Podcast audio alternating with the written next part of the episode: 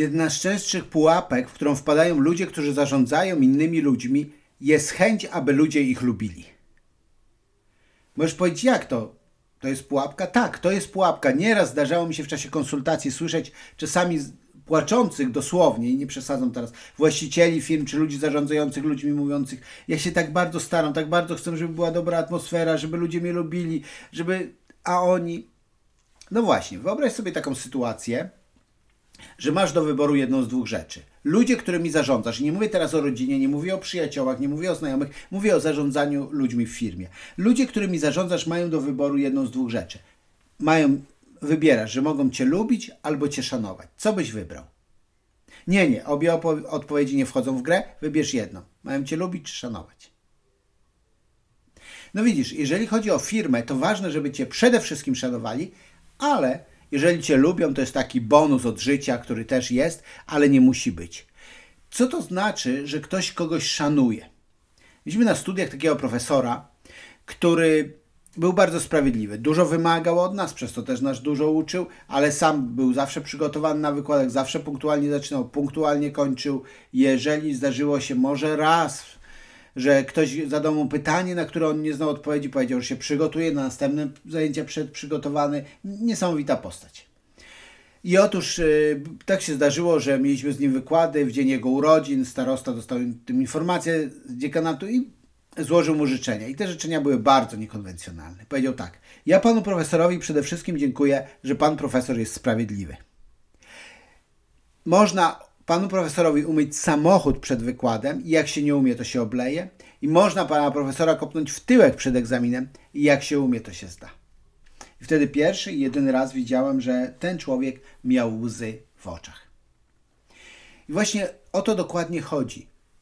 Na końcu tego wykładu pokażę, co zrobić, żeby mieć taki szacunek u tych ludzi, którymi zarządzasz, ale przede wszystkim ludzie w pracy muszą się szanować.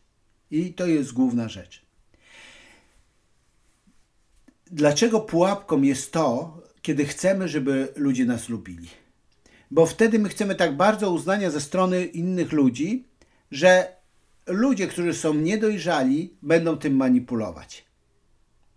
Że ludzie, kiedy.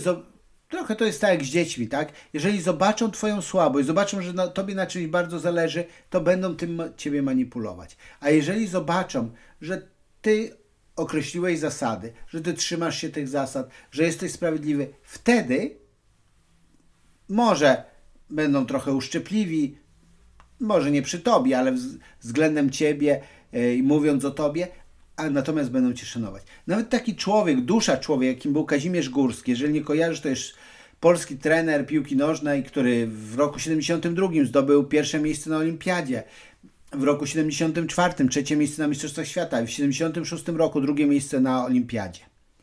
I ten człowiek, który był tak, takim naprawdę ciepłym człowiekiem, niesamowitym, bardzo dowcipnym, e, ten człowiek, kiedy były Mistrzostwa Świata w 74 roku, Polacy pojechali tak, wygrali z Argentyną, sensacja, rozgromili Haiti 7-0, sensacja, e, pokonali Włochy i awansowali z pierwszego miejsca, musiał w sytuacji, kiedy była niesamowita euforia, musiał podjąć pewną decyzję. I posłuchaj teraz fragmentu z jego wspomnień. Piłka jest okrągła. Pisze o tym tak. W Murnhart, to była miejscowość, gdzie stacjonowali polscy piłkarze, grały orkiestry i sztucznie ognie rozjaśniały ciemności nocy niemal do świtu. Bawili się wszyscy, i mieszkańcy, i przybysze z różnych stron świata, także piłkarze. W poniedziałek rano uznałem za stosowne przypomnieć wszystkim o wymogach regulaminu i obowiązującej dyscyplinie. Podjęliśmy także niezbyt przyjemną, ale niezbędną decyzję. Adam Musiał, który naruszył regulamin, odsunięty został od najbliższego meczu ze Szwedami. Nic poważniejszego się nie stało, ale Adam nie przerwał w porę zabawy i tak przedłużanej kilkakrotnie i mimo upomnień nie wrócił na czas do hotelu. Od takie niby zdanie wtrącone w opowieść i wspomnienia, ale to wiele znaczyło. Polska reprezentacja wygrywa. Jest takie powiedzenie w futbolu, że nie zmienia się zwycięskiego składu. I oto przychodzi czas świętowania i Kazimierz Górski, który naprawdę był cierpliwym człowiekiem,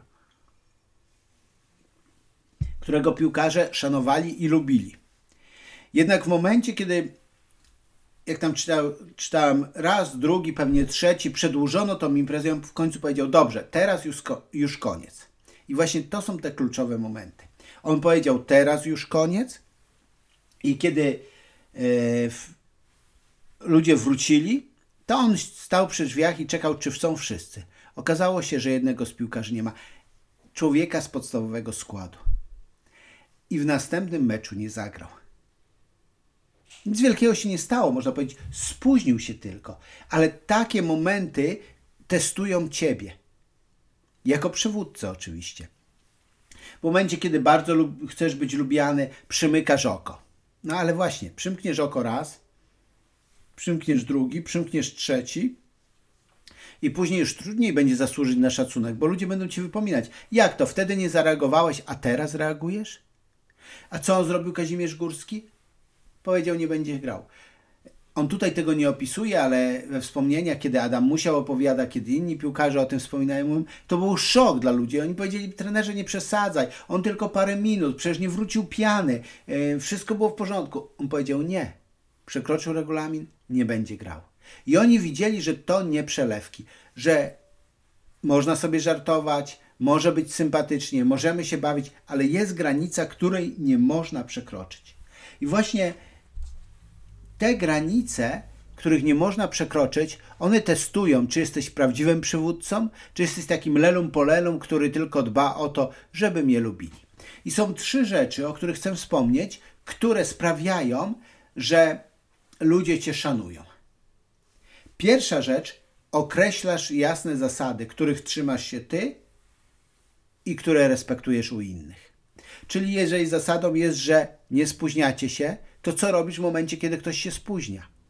Jeżeli zasadą jest, że na przykład y, zysk, który dostajecie, dzielicie sprawiedliwie według liczby przepracowanych godzin, to co wtedy, kiedy ktoś przepracował ich mniej i ma na to dobre usprawiedliwienie, bo ktoś był chory w domu, bo nie mógł. No właśnie, co wtedy? Pamiętam taki moment, kiedy w jednej z fundacji, w której pracowałem, byli ludzie, no i wiadomo, to dla mnie było trudne, tym ludziom nie płaciliśmy, oni poświęcali swój czas, swoją energię, często swoje pieniądze. I moment, kiedy jeden człowiek, który raz nie przyszedł, drugi raz nie przyszedł, potem była taka impreza mikołajkowa, on przyszedł w połowie, a miał grać Mikołaja, musieliśmy na szybko znaleźć innego Mikołaja, no jakby... Yy, ja rozumiałem tego człowieka, niedawno urodziło mu się dziecko, on jeszcze poświęca się dodatkowo, no jakby wszystko to rozumiałem i gdzieś we mnie z jednej strony była złość, że nie przyszedł na czas, nie uprzedził. Z drugiej strony zrozumienie, że no przecież on ma trudną sytuację, bo teraz y, małe dziecko, no jeszcze dodatkowo praca, no nie wiedziałam co.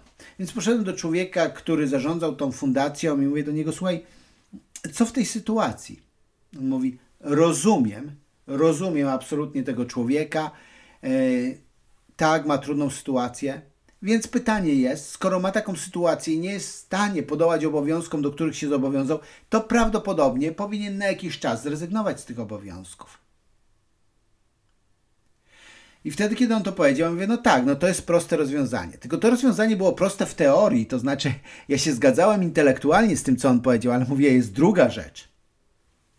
Kiedy ja pójdę do tego człowieka i mu to powiem, to ja wiem, że będzie foch, że będzie obraza i że on prawdopodobnie już nigdy w tej fundacji się nie zaangażuje. I mówię to temu człowiekowi, z którym rozmawiam, a on mi na to mówi: Słuchaj, to, że on jest bardzo dobry w czymś, że ma dobry charakter, a ma, że ma dobre umiejętności, a słaby charakter, to lepiej pozbyć się go wcześniej niż później. I to jest właśnie to, na co wielu ludzi, którzy zarządzają, daje się nabrać. Jeżeli ktoś ma słaby charakter, a ma dobre umiejętności, to prędzej czy później rozwalić się zespół albo nawet firmę. I nie przesadzam, teraz mógłbym tu mnożyć przykłady. Więc poszedłem do tego człowieka, powiedziałem mu o tym, że jest taka sytuacja, a on mówi, no wiesz co, do tej pory wszystko robiłem, poświęcałem się i cała litania była, a teraz, ja mówię, no teraz widzę, że nie, więc powiedz, albo dajesz radę, albo yy, po prostu, no na jakiś czas nie będziesz tak aktywnie albo w ogóle uczestniczył w tej fundacji. Powiedział, że musi to przemyśleć. Przez pół roku nie dało znać. Po pół roku powiedział, że rezygnuje z tej fundacji. No cóż, powiem tak, kiedy odszedł, to nie byłem smutny. Kiedy odszedł, to poczułem taką wolność. Uf, w końcu pozbyliśmy się problemu. No właśnie, więc zasady są dlatego, że kiedy ktoś ich nie przestrzega i je łamie i ty konsekwentny jesteś, to wychodzi wtedy charakter człowieka. I ludzie o złym charakterze odejdą i to naprawdę będzie ulga. I jeżeli ludzie zobaczą, że zasady są respektowane, to będą yy, morale w zespole się poprawi, a po drugie ludzie, którzy będą przychodzić, to będą ludzie, którzy będą filtrowani przez zasady, a więc ludzie o dobrym charakterze zostaną. A zapewniam Cię, że łatwiej jest nauczyć umiejętności niż zmienić czyjś charakter. Więc jasne zasady numer jeden. Numer drugi. Właściwa komunikacja. O komunikacji nagrano już mnóstwo i napisano wiele rzeczy. Ja też na moim kanale mam mnóstwo o komunikacji, ale chcę powiedzieć o jednym tylko aspekcie. Słuchaj i upewnij się, to ten aspekt, upewnij się, że dobrze usłyszałeś. Mów i upewnij się, że ludzie zrozumieli, co mówiłeś.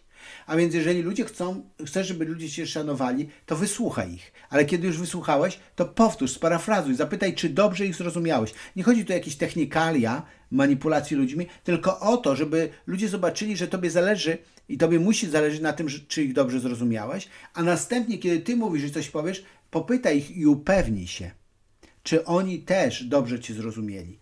Bo brak komunikacji zabija w zasadzie wszystko. Tak? Jeżeli nie ma zdrowego przepływu informacji w jedną i w drugą stronę, jeżeli nie ma weryfikacji tych informacji, upewnienia się, czy dobrze się zrozumieliśmy, to bardzo często dochodzi do nieporozumień. Jeżeli pracujesz trochę z ludźmi, albo nawet jeżeli nie pracujesz z ludźmi, nie zarządzasz ludźmi, ale jesteś w jakichś relacjach, w rodzinie, wśród znajomych, przyjaciół, w szkole, gdziekolwiek, to wiesz, że często nieporozumienia biorą się z tego, że ktoś kogoś dobrze nie zrozumiał, bo nie sprawdził, bo nie zweryfikował.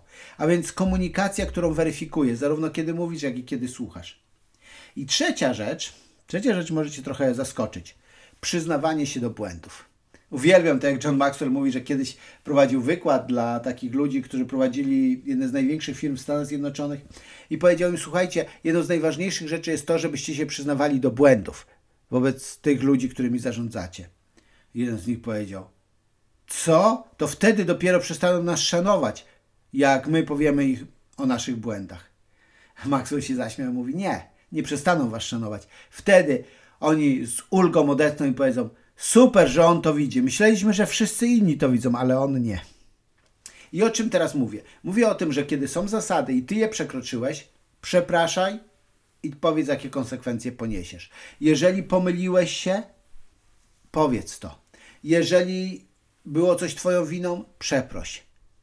Jeżeli ludzie zobaczą, że to nie jest tak, że zasady są dla nich, żeby oni je przestrzegali, ale nie dla Ciebie, że tak samo traktujesz ich jak siebie, że Ty też, kiedy trzeba, zostajesz po godzinach, że Ty też potrafisz powiedzieć przepraszam, że Ty też potrafisz pokazać siebie nie od tej strony, że wszystko ci wychodzi jest dobrze, ale też od tej strony, że popełniasz błędy, zaczną cię szanować. Bo ludzie widzą, domyślają się i chcą, żebyś był autentycznym człowiekiem. To kiedyś było takie powiedzenie, jak że jesteś samotny na szczycie, nikt cię tam nie zrozumie. Tak? I to Maxwell był chyba jednym z pierwszych, który wymyślił albo przynajmniej rozpropagował to hasło. Jeżeli na szczycie jesteś sam, to coś poszło nie tak, bo ty jesteś przywódcą. I teraz oczywiście są takie chwile, kiedy jesteś sam ze swoimi problemami, są takie chwile, kiedy y, nie ma nikogo i ty musisz podjąć kluczowe decyzje. Natomiast ja nie mówię o tym. Mówię o tym, że ty nie możesz pokazywać się jako Superman, tylko musisz się pokazać, też jestem człowiekiem, który popełnia błędy. A więc jasne zasady, komunikowanie i weryfikowanie tej komunikacji i przyznawanie się do błędów. Te trzy rzeczy sprawiają, że ludzie zaczynają Cię szanować. A kiedy ludzie zaczynają Cię szanować, to zaczyna się tworzyć morale zespołu. A kiedy zaczyna się tworzyć morale zespołu, to dla takiego zespołu niewiele jest rzeczy, których nie może osiągnąć. A więc życzę Ci takiej otwartości na to, żeby podnieść na wyższy poziom przywództwo, a jeżeli chcesz zrobić bezpłatny test tego, czy jesteś dobrym przywódcą, czy jesteś dobrym liderem, to w linku pod lub nad nagraniem znajdziesz e, miejsce, gdzie możesz się zapisać i dostaniesz taki bezpłatny test. Dziękuję i życzę powodzenia w Twoim przywództwie.